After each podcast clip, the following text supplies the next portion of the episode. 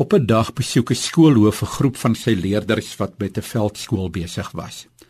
As deel van hulle opleiding moes hulle 3 drie swaar houtpaal dra. Hy kom toe by 'n spannetjie waar twee van die manne baie moeg lyk terwyl die derde een heel vars was en met 'n breë glimlag rondloop. En die hoof vra hom toe: "Hoekom lyk jy so vars en die ander twee lyk so uitgewas?" "O, dis maklik, meneer," sê die jong man. "Dis iets wat ek by die Here geleer het. sien, Ek is kort en hierdie twee manne is bietjie langer as ek. En al wat ek doen, ek gaan staan tussen die twee van hulle, dan voel hierdie paal baie ligter. en dis slim sê die hoof, maar sê my, hoe het jy dit nou by die Here geleer? sien meneer, sê die jong man, dit werk op dieselfde beginsel. Ek dink aan al die goed in my lewe wat wat vir my swaar is, as 'n groot swaar paal. Dan vra ek vir Jesus en die Heilige Gees om my te help om die paal te dra. En ek gaan staan dan tussen hulle. En dan is dit maklik want hulle is albei baie groter as wat ek is. Ons hoef nie alleen ons laste te dra nie. Eintlik is ons dom as ons dit alleen probeer dra. Die Here gee vir ons baie mense op ons pad wat so glo ek wat hy stuur om ons te help om ons laste te dra.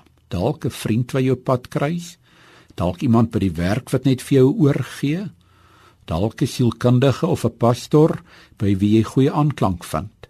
In Galasiërs 6 vers 2 staan daar: Dra mekaar se laste en gee op hierdie manier uitvoering aan die wet van Christus.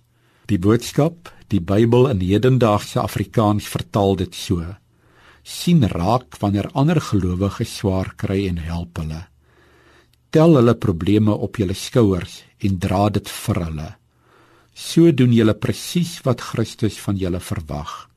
Dit is immer sy wet dat julle mekaar moet lief hê. Kan ek jou vandag seën met 'n ou Ierse seënbede? Die Here is voor jou om die pad gelyk te maak. Die Here is lank jou om jou om sy arms toe te vou. Die Here is agter jou om die aanvalle van die bose af te slaan. Die Here is onder jou om jou te dra as jy mag val. Die Here is rondom jou om jou te beskerm. Die Here is bokant jou om jou te seën.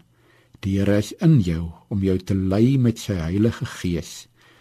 Die Drie-enige God is by jou van nou af tot in ewigheid. Amen.